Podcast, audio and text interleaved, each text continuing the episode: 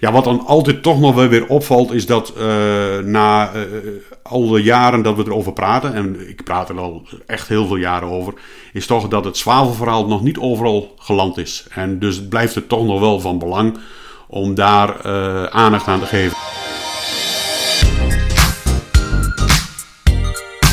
Theo, goedemorgen. Hoe is het ermee? Ik, ik heb begrepen dat jij de functie van melkveespecialist kwijt bent.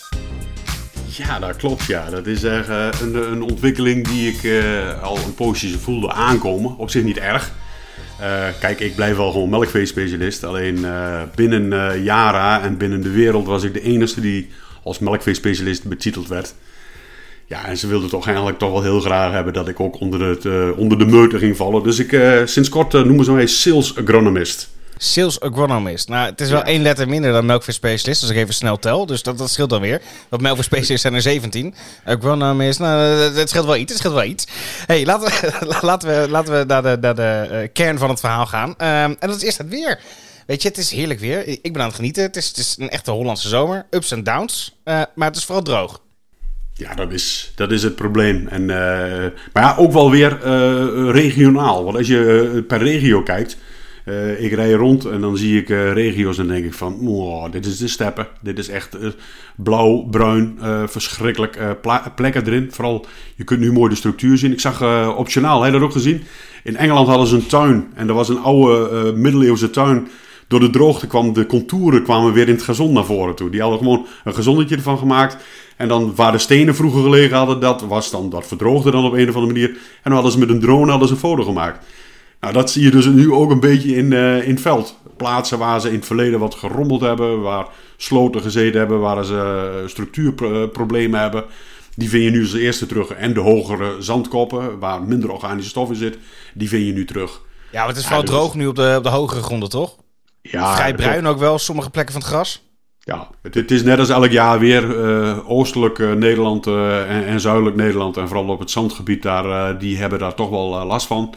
Ik was gisteren toevallig in Noord-Holland en daar eh, hoorde ik eh, de mensen niet klagen. Die, eh, die zeiden ook van ja, nou, graan was ook wel dat ze wel, wel 12, 12,5 ton per hectare konden oogsten. Dus die zaten niet echt te klagen. Die hadden toch regelmatig een buitje gehad. Nou ja, dat is maar net waar je zit. Dus echt regionaal uh, zit er wel veel verschil in. Ja, voor grasland is, vertellen we altijd water en warmte ben je nodig. Nou, water hebben we dus niet zo heel veel. Dus ja, nu kom je... Ja, en dan kom je bij je, bij je veld te staan en denk je, ja, wat moet ik hiermee? Ja, dat is een beetje, een beetje afwachten, een beetje, beetje, beetje, beetje afwegen. Niet afwachten, afwegen. Je kijkt naar je veld, uh, staan er heel veel van die, uh, van die groei, van die bloeipijlen in. Ja, dan ga je die kwaliteit toch wel onderuit dan een keer af, afwerken. En dan toch ook het advies, ga niet te kort maaien. Want dan maai je het al bruin. Dus gras groeit het gras. wat ik wel vaker gezegd heb, pak die 7, 8, 9 centimeter. Laat het wat langer. Uh, heb je veel sneller weer hergroei. Nou ja, kun je beregenen. Altijd doen. Het is als het, eh, als het past. Als het mag. Ik zie het links en rechts wel gebeuren. Ja, je houdt je gras, je grasmat hou je in ere. Anders dan heb je komend jaar weer een enorm gevecht. En dan gaat de kwaliteit achteruit. ruwbeemt toename, onkruidgroei. Kweek die gigantisch aan het doorontwikkelen is. Dus je goede grassen ga je kwijt. En dat is ja, toch wel een ontwikkeling. Daar moet je, moet je dan wel goed naar kijken wat er gaat komen. Dus probeer het nat te houden als het kan. Ja, als het niet kan, nou ja, dan, dan houdt het gewoon op. Dan hopen we gewoon dat we van boven nog een keer water krijgen. Ja, en als ik het dus goed begrijp en even samenvat, moet je dan, uh, is het dus verstandig om nu dan even het verlies te nemen. Dat je op de lange termijn er uh, uh, eigenlijk beter, beter doorheen gaat. Klopt. Ja, zo moet je het gewoon, gewoon zien. Gewoon maaien en weghalen het spul. Ook al staat er niet een hele zware snede. Uh, gewoon op een centimeter of 8, 9. Dus echt wat hoger stoppelen. En dan uh, even hopen dat er gewoon water komt. En dan komt het uiteindelijk komt het wel goed.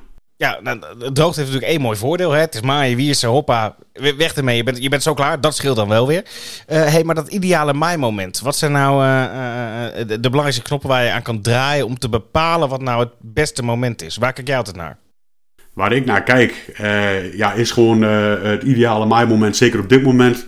Uh, ja, kijk gewoon hoe, hoe staat het op het veld. Is het al heel erg droog op het veld? Kijk, het moment zelf.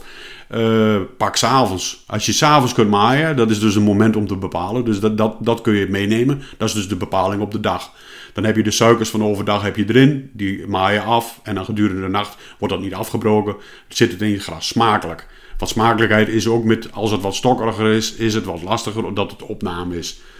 Voor de rest kijk je gewoon naar van, uh, wat heb ik bemest? Wat staat er? Uh, is dat een beetje in evenwicht? En zie je dat het, dat het bodemvocht er nog wel of niet is? Daar ga je dus ook een afwegingen maken. Dus op een gegeven moment ga je dus een noodgreep pakken en dan zeg je van, het gaat eraf. Een ander moment zeg je van, nou, er zit nog bodemvocht in. Er zit nog een beetje groei in. Er zitten nog niet te veel pijlen in.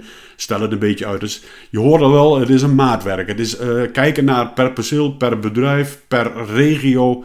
Zit er gewoon hele grote verschillen in. En daar een eenduidig advies is gewoon heel lastig. Dus dat is, uh, maar dat zijn wel dingen om mee te nemen. Kijk naar het gras. Zitten de pijlen in? Hoe dik staat het gras? Hoeveel heb je bemest? En uh, welke snede ben je bezig? Is dit de vierde snede? Of is dit de vijfde? Of is dit de derde? Daar kun, moet je ook naar kijken. Dus al die dingen neem je mee in je overweging van wanneer ga ik maaien. Nou ben je nog aardig vaak uh, op pad te vinden. Volgens mij heb je laatst nog twee velddagen gehad. In Aalter en Raskwet, als ik me niet vergis. Uh, daar spreek je best wel wat boeren. En, en daar ben ik wel benieuwd, wat valt daar het meeste op? Komen zij met een eenduidig verhaal of niet? Nou, eenduidig verhaal. Uh, kijk, uh, men is allemaal wel bezig met uh, het optimaliseren van gras. Men is allemaal bezig met inkoop van kunstmest. Dat is ook een, een hot item. Daar zullen we zo meteen nog wel even over hebben. Maar ja, wat dan altijd toch nog wel weer opvalt, is dat na alle jaren dat we erover praten, en ik praat er al echt heel veel jaren over, is toch dat het zwavelverhaal nog niet overal geland is. En dus blijft het toch nog wel van belang om daar uh, aandacht aan te geven. En dat merkte ik dan ook wel weer op die, op die, op die velddagen. Uh, dat er toch nog mensen zijn van, goh, ik heb toch wel wat laag eiwit in mijn, uh, in mijn gras. Ik zei, nou, praat je over vorig jaar of dat van dit jaar? Nee, die, die van dit jaar, de analyse binnengekregen. Dat viel niet mee. Dat viel niet mee. Ik zeg, nou, hoe heb je dat bemest dan? Ja, gewoon met kalkamon. Nou, en dan begint bij mij het balletje te rollen. Dan uh, heb ik uh, mijn stokpaardje te pakken. En dan kan ik gaan vertellen over zwavel, wat het doet. Dat het er in verhouding 4 staat tot 3 in moet zitten om een goede opname te krijgen. Dat het ruw eiwitgehalte stijgt. Dat het droogstofopbrengst meer wordt. Dus dat je daar gewoon duidelijk een, een, een meeropbrengst op hebt. En dat, dat, dat, dat kan iemand heel snel uh, aanpassen. Dus dat, het is nog steeds zo, uh, we zijn nog niet klaar met ons verhaal. Dus we mogen nog steeds blijven verhalen. Jongens, zwavel in het voorjaar blijft belangrijk. Nou had je het nog even inderdaad over het verhaal over de inkoop. Uh, ik denk dat dat toch misschien wel wederom het belangrijkste punt in deze podcast is. Als ik kijk naar het nieuws, Nord Stream 1. Rusland speelt een soort roulette met die pijpleiding. Um, dat heeft natuurlijk effect. Ik bedoel, Yara heeft gas nodig voor de productie van kunstmest. Die prijs is hoog, dus kunstmest is duur. Klopt. Kunstmest is duur. En als je nu kijkt, uh, vanmorgen nog even teruggekeken, wat doet de aardgasprijs? Die is in de afgelopen twee maanden nog weer verdubbeld. De laatste twee maanden is hij nog weer verdubbeld, midden in de zomer. Kijk, en dat is iets wat. Kijk, we zijn vorig jaar zijn we begonnen met, met, met hogere prijzen voor kunstmest, omdat de vraag aangewakkerd werd door een matige tarweoogst. Dus dat is eigenlijk vorig jaar al begonnen op het moment dat het graan geoogst moest worden, echt slecht weer. Ik zou zeggen klote weer, maar het was echt slecht weer. Regen op het moment dat er geoogst moest worden, dus het viel tegen. Op dat moment bleek dus ook gewoon dat dus daardoor die tarweprijs ging stijgen. Op dat moment dachten heel veel landen in de wereld van... Goh, het brengt nu echt wat op. Ik heb in het verleden nog nooit echt wat bemest. Ik ga nu bemesten. Ik ga kopen. Vraag op de markt. Vraag op de markt gaat de prijs stijgen. Nou, toen kwam het hele gebeuren wat er in, in de Oekraïne kwam er nog eens even bij. Nou, daar uh, gelukkig lijkt het er nu op dat het tarwe uh, vrijgegeven wordt. Dus dat uh, via de Zwarte Zee het, het, afgevoerd kan worden. Dat zal een beetje rust geven op de markt. In ieder geval voor de wereld te voeden zal het een, een, een, steun in de rug zijn. Dus dan zal het in ieder geval de, de, de goede kant op gaan. Alleen, we zitten nu wel met dat gasgebeuren. En een heel groot gedeelte van de kostprijs wordt bepaald op basis van gas en met een verdubbeling ervan. Kijk, ik heb er heel veel mensen gesproken die uh, de vorige RFQ meegedaan hebben. En ik hoop dat er heel veel mensen die toen een aanvraag gedaan hebben ook gekocht hebben. Want ik heb echt het vermoeden dat het toen uh, misschien wel het dieptepunt van de prijs was. Reken me er niet op af. Maar ik heb ook heel veel mensen gesproken die zeiden van ik heb gekocht. En weet je waarom ik nou zo blij ben? Ik weet in ieder geval dat ik tot volgend jaar, mei, klaar ben. Ik heb voor de eerste en de tweede snede heb ik gekocht. Of voor de eerste en een gedeelte van de tweede snede heb ik gekocht. Uh, ik spreid mijn inkoop. Uh, ik weet in ieder geval zeker dat ik komend jaar kan starten. Ik kan aan de gang. Ik haal enigszins opgelucht adem. Ik weet niet of ik de juiste prijs betaald heb. Maar dat is dus in deze markt toch niet te voorspellen. Die volatiliteit die erin zit. Ja, je ziet gewoon dat het op één dag kan het gewoon zoveel zakken en zoveel stijgen. Dat je absoluut niet meer weet waar je mee bezig bent. Dus het is, het is zo lastig om daarop in te kopen. Daarom is ons advies, en dat hebben we in de vorige podcast ook wel aangegeven. Spreid inkoop. En dan heb je in ieder geval een stukje zekerheid dat je in het voorjaar wel aan de slag kunt ja, dat je de, misschien niet de goedkoopste prijs betaald hebt, maar je hebt wel uh, strooizekerheid. Ja, en daarmee beantwoordt uh, je direct mijn laatste vraag. Wat uh, de inkoopstrategie voor nu is. En dat is nog steeds dus vooral blijven spreiden.